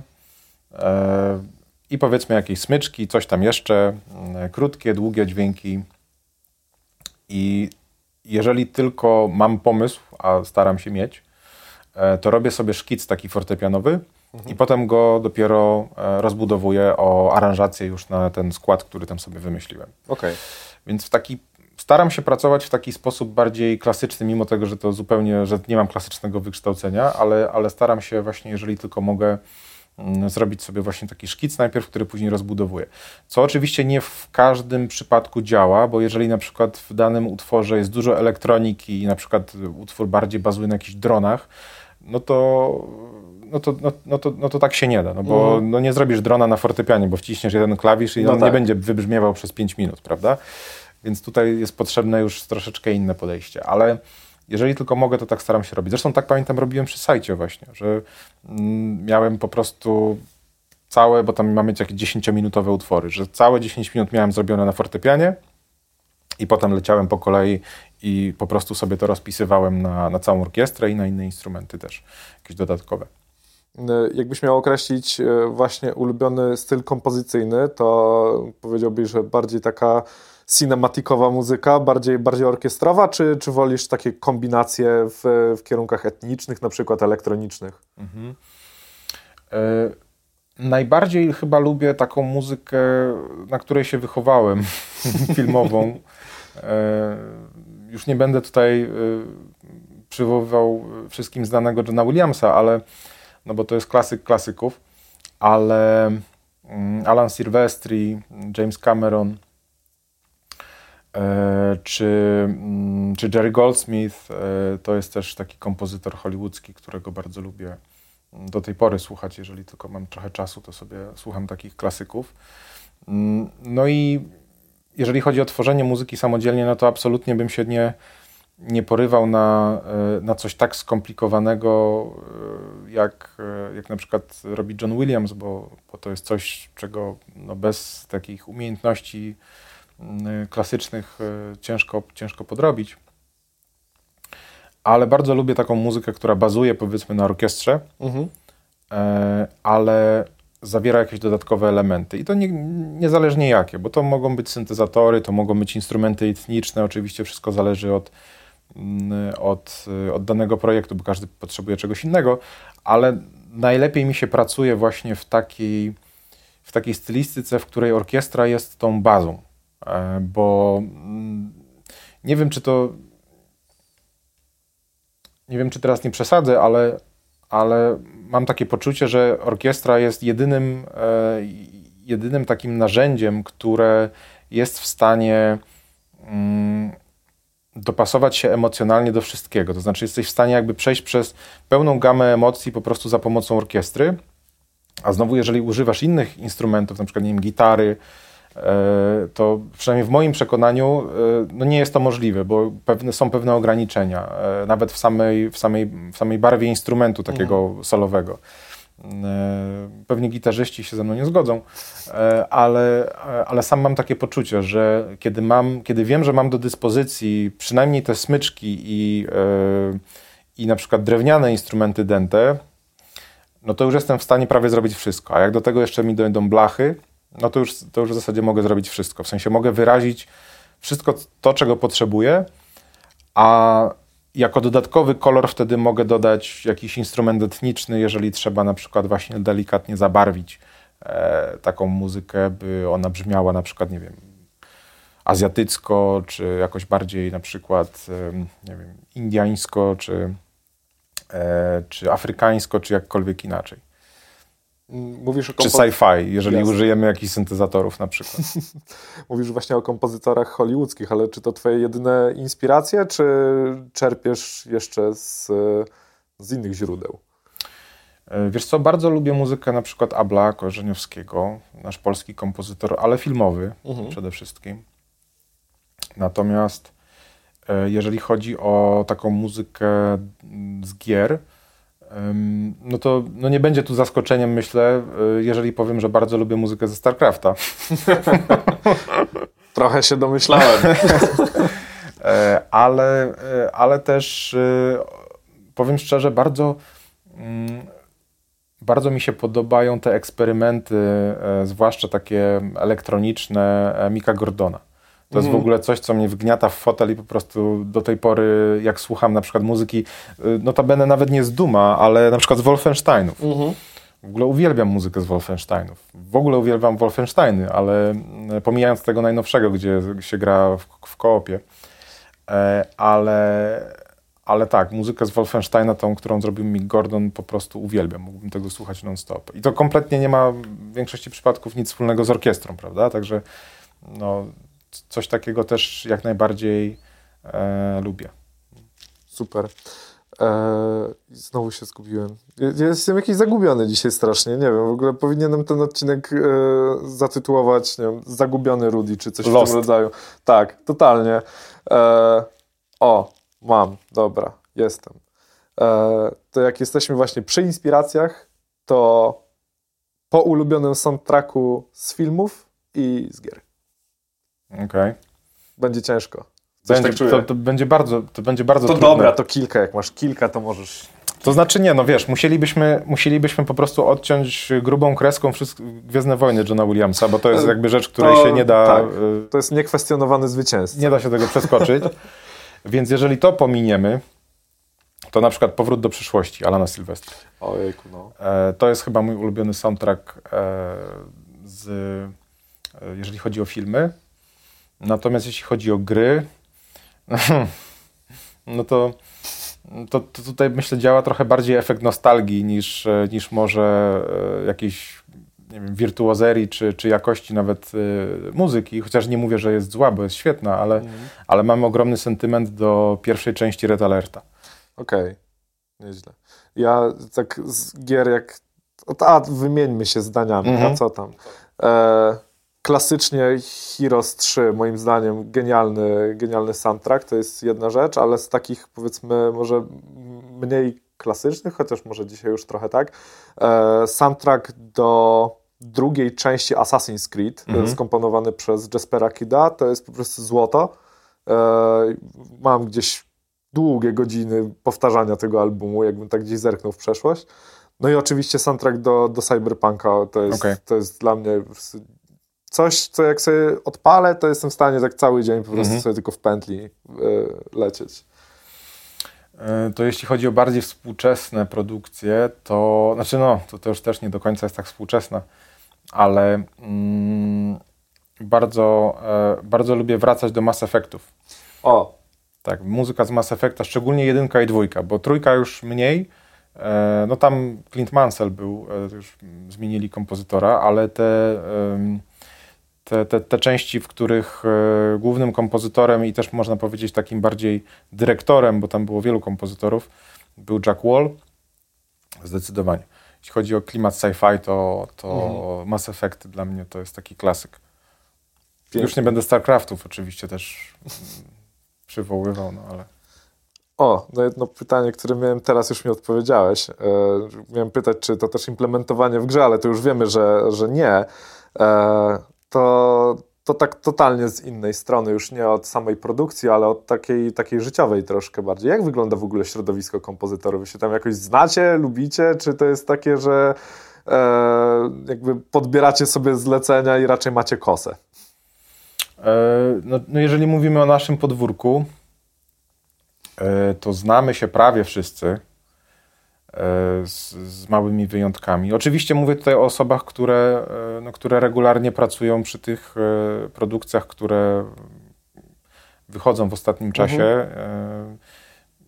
Może niekoniecznie przy tych bardzo takich indie, mobilkach i tak dalej, no bo tam przyznam szczerze, nie, no nie wszystkich znam, nie, nie kojarzę wszystkich osób, które tam pra, pracują przy tych, przy tych obecnych mobilach.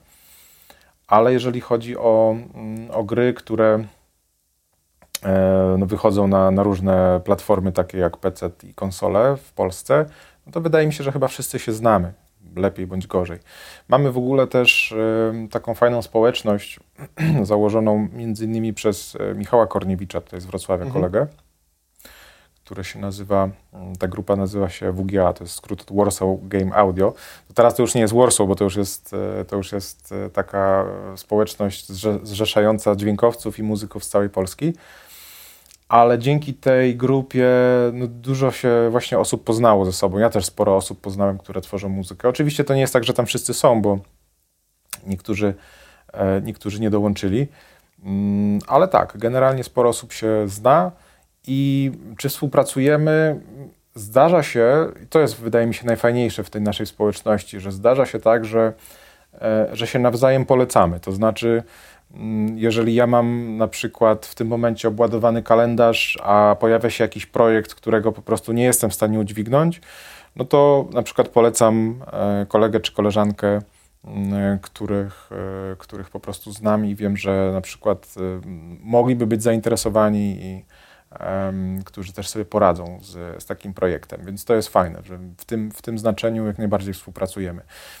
Nie wiem, jak dużo jest takiej współpracy by kilka osób pracowało przy jednym projekcie, ale takie rzeczy się też zdarzają. Nawet sam mam teraz taką okazję e, pomagać innemu kompozytorowi, który mnie po prostu zaprosił do, e, do współpracy, bo też sobie sam nie dawał rady już ze mhm. względu na obłożenie też czasowe mm, związane z innymi projektami, bo tak to trochę jest w tym świecie, że że robimy kilka tytułów naraz, e, przez to, że, mm, że te projekty się ciągną dosyć długo i mocno się przeplatają. Poza tym już nie wchodzę nawet e, w aspekt przesuwania daty premiery, który powoduje, że cały kalendarz, który sobie ułożyłeś, generalnie jest e, do niczego nieprzydatny, bo mhm. wszystko się wywraca do góry nogami. Ale, ale tak, tak to wygląda. E, właśnie, bo mówisz, że skoro się znacie i tak dalej, to nie wiem, jest was jakoś bardzo dużo, to jest duża społeczność, czy, czy to jest powiedzmy zamknięcie się w kilkunastu, kilkudziesięciu osobach? Wiesz, to zależy jak na to patrzeć, bo mm, jest sporo osób y, w Polsce, które zajmują się i muzyką, i dźwiękiem. Mhm. I wydaje mi się, że to dotyczy wielu osób właśnie w tym, w tym środowisku, że zajmują się dźwiękiem i, mm, i sporadycznie, e, jeżeli jest taka możliwość, e, to też, to też komponują muzykę. A czasami w drugą stronę. To tych, tych modeli tak naprawdę pracy jest, jest kilka. Poza tym to też wynika troszeczkę właśnie ze specyfiki naszego rynku, że w dalszym ciągu jest dosyć duża mm, potrzeba takich osób, e, które właśnie są w stanie udźwignąć jedno i drugie, mhm. co wynika może też trochę z tego właśnie, że e, ta przestrzeń czasowa jest spora. Więc e, o ile jakaś firma na przykład no, nie jest w stanie zatrudnić kompozytora na etat na przykład na 3 lata, bo tak naprawdę tej pracy będzie na 5 miesięcy, mhm. a przez 3 lata trzeba byłoby kogoś trzymać, no to mogą zatrudnić kogoś, kto jest sound designerem, i przez trzy lata sobie sukcesywnie pracuję nad, nad dźwiękiem, a w międzyczasie mm, powoli pracuję nad muzyką, kiedy spływają kolejne na przykład jakieś tam levele i etapy. Próbuję sobie teraz przypomnieć cały czas, jak mówisz, bo, bo wspomniałeś o Michale, a mi się przypomniało jego talk z, z Gica z 2019 roku. E, I wtedy mówił o tej takiej super grze od Donkey Cruise z tymi machinami drewnianymi. Pamię... Last Oasis. O, właśnie. Dziękuję.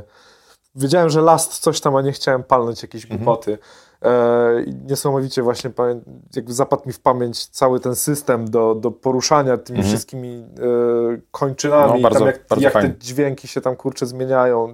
Coś, coś pięknego. Niesamowite rzeczy tam Michał zrobił. Ja pamiętam, mi częściowo e, pokazywał mi właśnie, jak to, jak to działa w Unrealu. E, super, fajnie to. E, Michał, jak oglądasz, to odezwę się do ciebie. Tam po, pogadamy sobie o tym.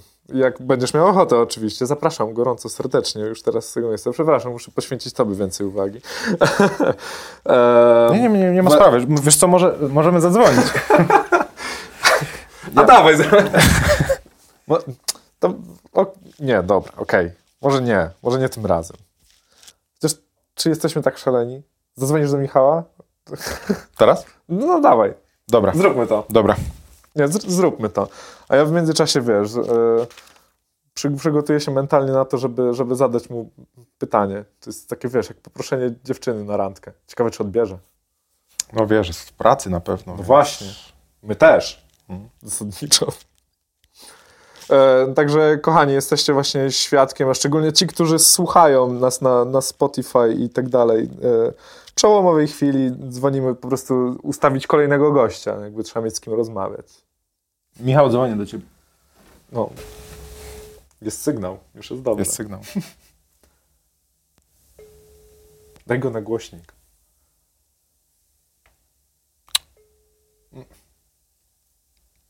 No cześć Patryku. O, cześć Michał. Cześć. Nie przeszkadzam ci? Nie. Akurat mam przerwę na śniadanie. A, no to świetnie. Słuchaj, wiesz co, no dzwonię do ciebie w takiej trochę nietypowej sprawie, jak mawiał klasyk, bo siedzę, siedzę właśnie e, w, u rycerzy i nagrywamy podcast i jesteśmy w cudzysłowie, w cudzysłowie na wizji I, i, I, wspomniałem o tobie i mm, no jest taki pomysł, że może chciałbyś wystąpić też w tym podcaście, dlatego e, pomyślałem, że do ciebie zadzwonię i zapytam, czy, czy chciałbyś też tutaj e, parę słów powiedzieć na temat swojej pracy sound designersko-kompozytorskiej kiedyś. No nie, czemu nie? To, że robił świetną robotę. Dziękuję Michał, jesteś przekochany, odezwę się na fejsie. Rudny i zadowolony, także, także super. No to świetnie.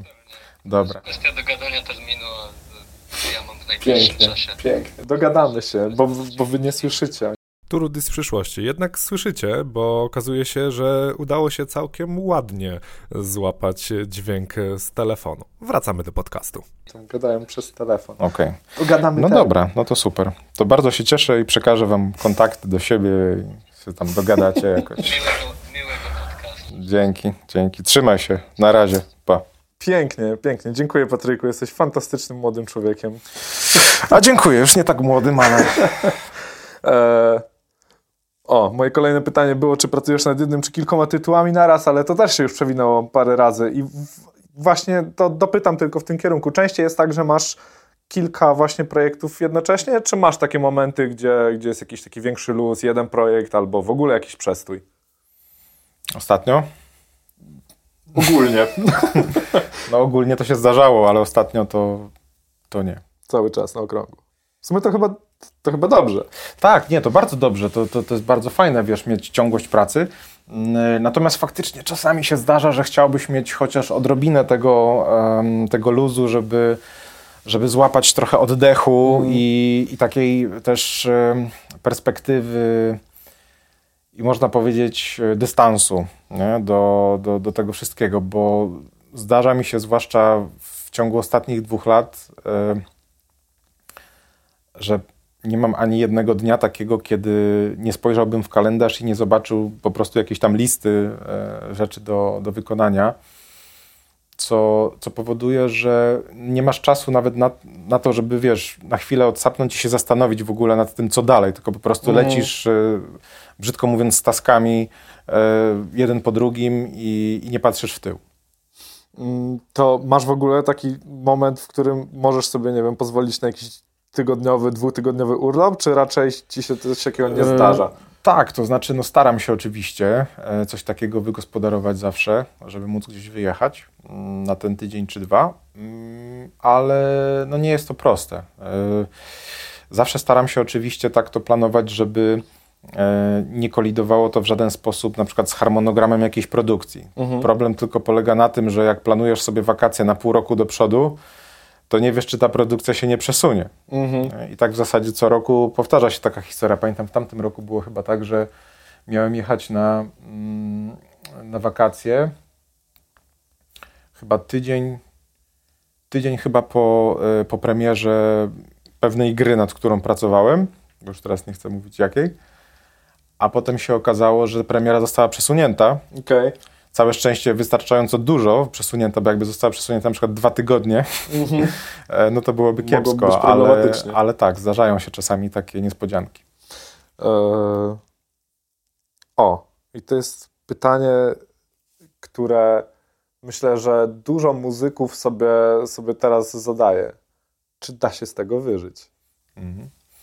No da się. Wydaje mi się, że, że, że jest to możliwe. Natomiast y, faktycznie trzeba, mm, trzeba troszkę się nakombinować i, i dobrze zaplanować sobie ten, jakby ten, ten, ten model współpracy, tak mi Mhm. się wydaje, bo trzeba wziąć właśnie pod uwagę to, że jakiś tytuł może powstawać na przykład dwa lata, E, No i przez to, że nie jest to praca etatowa, no nie mamy tutaj zapewnionej ciągłości wynagrodzenia, więc trzeba zawsze brać pod uwagę to, że jeżeli są jakieś przestoje, to coś w tych przestojach trzeba robić, bo w tym czasie też się nic nie zarabia, prawda? Więc Mhm. stąd też ta potrzeba na przykład pracy nad kilkoma tytułami jednocześnie, które się jakoś tam zazębiają. I fajnie, gdyby się zazębiały, a one często się na siebie nakładają, więc to jest taka rzecz, która też powoduje czasem e, stres, z którym trzeba się nauczyć żyć. I, mm, no i coś, co wydaje mi się jest fajne akurat w przypadku muzyki stricte, to że oprócz robienia muzyki do gier, zawsze można sobie znaleźć jeszcze jakieś inne zajęcie, również około muzyczne. Więc można troszkę zdy, zdywersyfikować sobie ten, powiedzmy, tę karierę o, o inne zadania. Mhm. Czyli, nie wiem, takim naj, najprostszym i chyba najczęściej wybieranym y, dodatkowym zajęciem wśród na przykład muzyków takich szcz- szczególnie wykształconych jest y, na przykład dawanie lekcji na, nie wiem, na instrumencie. I wiem, że dużo kompozytorów tak pracuje, że mają na przykład, nie wiem, jeden, dwa projekty, które jakoś tam powolutku się toczą, a w międzyczasie mają po prostu regularne lekcje, na przykład i uczą kogoś grać na instrumencie albo czegoś innego. A w Twoim przypadku uczysz? Ja tak, prowadzę zajęcia e, na uczelni, ale jeszcze jest to e, ścieżka, powiedziałbym, post, e, postwizualna. Okej. czyli, czyli cały czas jeszcze korzystam z doświadczenia i umiejętności, które mm, nabyłem pracując e, w branży wizualnej, gdy zajmowałem się postprodukcją obrazu. Także jeszcze prowadzę zajęcia właśnie mm, które bardziej bazują na postprodukcji obrazu i też w takich tematach powiązanych. Okej. E, Masz ulubiony gatunek muzyczny? Taki, w, wiesz, do słuchania to po raz, a po dwa taki, w którym lubisz komponować, to w sumie już się trochę dowiedziałem, że, że gdzieś tam bardziej w... Chyba nie mam ulubionego. E, Nie mam chyba ulubionego. E, Oczywiście no, mógłbym sięgać pamięcią do, do jakichś tam e, czasów licealnych, kiedy w kółko słuchałem Prodigy, Fatboy Slima i Chemical Brothers, ale dzisiaj już prawie w ogóle takiej muzyki nie słucham, choćby z tego względu, że mało takiej muzyki powstaje nowej. Mhm. Em, więc y, w ogóle mało muzyki słucham, tak prawdę mówiąc, bo nie mam kiedy. Okej. To jest największy minus zajmowania się muzyką, że nie masz kiedy tak. słuchać muzyki. W sumie tak, to jest tak samo z grami, wiesz, jak się robi Tak. gry, to się nie ma kiedy w nie grać. No tak, tak, tak, tak, tak, tak. Bo nawet jeżeli grasz, no to grasz w tę grę, przy której pracujesz, więc ją w pewnym sensie testujesz, prawda, Tak. i tak dalej, ale to nie jest do końca taka, to nie jest takie doświadczenie, kiedy, kiedy grasz rzeczywiście w grę, tak samo jak No tak. oglądanie swojego filmu, to, to nie jest oglądanie filmu, nie? Czy, czy słuchanie swojej muzyki, to też nie jest słuchanie muzyki do końca, bo słuchasz tego w sposób analityczny, a nie, a nie dla przyjemności. No tak, nie siadam potem, y, przyznaję się szczerze, nie oglądam swojego podcastu. Jakby no oglądałem się go tyle w trakcie produkcji, to wiesz, w tej z powrotem, musisz to przesłuchać, a to jeszcze ktoś sobie, e, ktoś sobie przeklnie w trakcie, to też trzeba tam coś z tym zrobić, więc i, nie mam takiej pamięci nawet, nie? bo też tych odcinków nagrywam do przodu, no to muszę siłą rzeczy siąść i wiesz, i dwie godziny. Dobrze, że jeszcze w software'ach jest opcja przyspieszenia, czasami Mhm. to się, wiesz, słucha 50% szybciej, ale no rozumiem. No tak, rozumiem. i słuchasz Chippy Dale'a. No, tak, tak. A to fajne jest w sumie, tak polecam ogólnie, wrzućcie sobie czasem, gdzieś na YouTubie się da, e, czy, czy na innych aplikacjach podcastowych, razy dwa. Śmiesznie to brzmi, nie ukrywam. E, to jeszcze ostatnie pytanie na, na koniec. Twój taki najciekawszy projekt, przy którym pracowałeś? Bo mówiłeś, że My Memory of Us e, jako ulubiony, a najciekawszy? No tak. E, to chyba teraz pracuję nad najciekawszym. To jak nie możesz powiedzieć co to, to może możesz chociaż zdradzić, w jaki klimat muzyczny uderzasz, jakie instrumentarium tam Mhm. usłyszymy. Wiesz co, jest to, mm, jest to taka e, historia, która wymaga nieco słowiańskiej muzyki, Mhm. takiej inspirowanej e, klimatami słowiańskimi. E, troszkę bardziej mroczna, więc to nie jest do końca to nie jest do końca powiedzmy taka muzyka słowiańska, którą znamy na przykład z, z Wiedźmina. Mhm. Mm, oczywiście wiadomo, że instrumentarium, brzmienia to wszystko jest w miarę podobne, natomiast em, idziemy troszkę bardziej w, w mrok. Okej, rozumiem. E, dziękuję Ci pięknie za, Również dziękuję. za, za, twoją, za twoją Za zaproszenie i za... Ja zapraszam i częściej. Jak masz ochotę wpadać, to wiesz, to, to nie ma, nie Nie ma wiem, czy, problemu. czy, wystarczyło, czy wystarczyłoby tematów, wiesz, na więcej, na więcej rozmów, bo już dzisiaj wszystkie, Tak. tak patrzę na tę listę, Kochany, wszystkie to ja tematy jeszcze- już wyczerpałeś. to i tak jest y, powykreślane jeszcze, A, to, także okej. spokojnie. Tam się hamowałem troszeczkę, bo Okej. wiedziałem, że mógłbym Cię tu trzymać 4 godziny. No, rozumiem. Ale kto, wiesz, jakby Kto potem... by to oglądał? Kto by to oglądał tyle oglądał? czasu? No Proszę. Właśnie, to ja nie jestem też przy okazji Karol Paciorek, żeby się machnąć na 4 godziny, a i tak ma, wiesz, słuchalność i oglądalność, także pozdrawiam Cię Karolu, jak kiedyś mnie dostrzeżesz swoim sławnym okiem, to wiedz, że o Tobie mówiłem. E, na koniec zawsze jednak daję takie, wiesz, trzy pytania na wyjście już tak totalnie poza, poza tematem. Czasami się zdarzy, że jest około tematu, ale, ale raczej nie. Co zwykle jadasz na śniadanie? Jak to pytała Kora. Mm, Nic specjalnego, naprawdę. Zawsze jem jakąś kanapkę po prostu. Nic, nic takiego e, spektakularnego. Okej. E, Najlepszy sposób na nudę. Dobrze, że to jest, to jest ciekawe, bo mam to pytanie zapisane od dawna, a dopiero dzisiaj się dowiedziałem, że jesteś osobą, która się szybko nudzi. No to najlepszy sposób na nudę. Zobaczyć, jaki jest następny task i przejść do niego. Mm, Okej. Kino czy teatr? Oj, za rzadko chodzę do teatru. No, kino. To mamy podobnie. Ja sobie powiedziałem, jak się przeprowadzałem do Wrocławia 10 lat temu, że będę chodził do teatru. Mm. Ile razy byłem w teatrze? Raz w Kapitolu. Okej. I to w zeszłym roku. Albo Okej. w tym roku? Kurczę, nawet nie pamiętam już, czy w zeszłym, czy w tym, ale byłem po prostu raz w teatrze. Jest mi tak wstyd Przed samym sobą, przed całym No światem. wiem, mnie, mnie też jest wstyd. Ja nie chcę nawet mówić, ile razy byłem w teatrze. Y, Naj, naj, najwyższą średnią y, moich wizyt w teatrze miałem wtedy, kiedy w tym teatrze był wystawiany musical, do którego robiłem muzykę. więc, no, więc wtedy byłem naj, na- najwięcej. e, W, w tak krótkim czasie. Super. Dziękuję Ci raz jeszcze Dzięki. i oczywiście wszystkich Was zachęcam. Patryk, może też zachęcasz, bo oglądałeś ja, ja, Nightcast, ja, czy nie? ja nie zachęcam. To Patryk nie zachęca, ale ja zachęcam. Oglądajcie i słuchajcie. Ja nie Nightcast. zachęcam, po prostu zmuszam.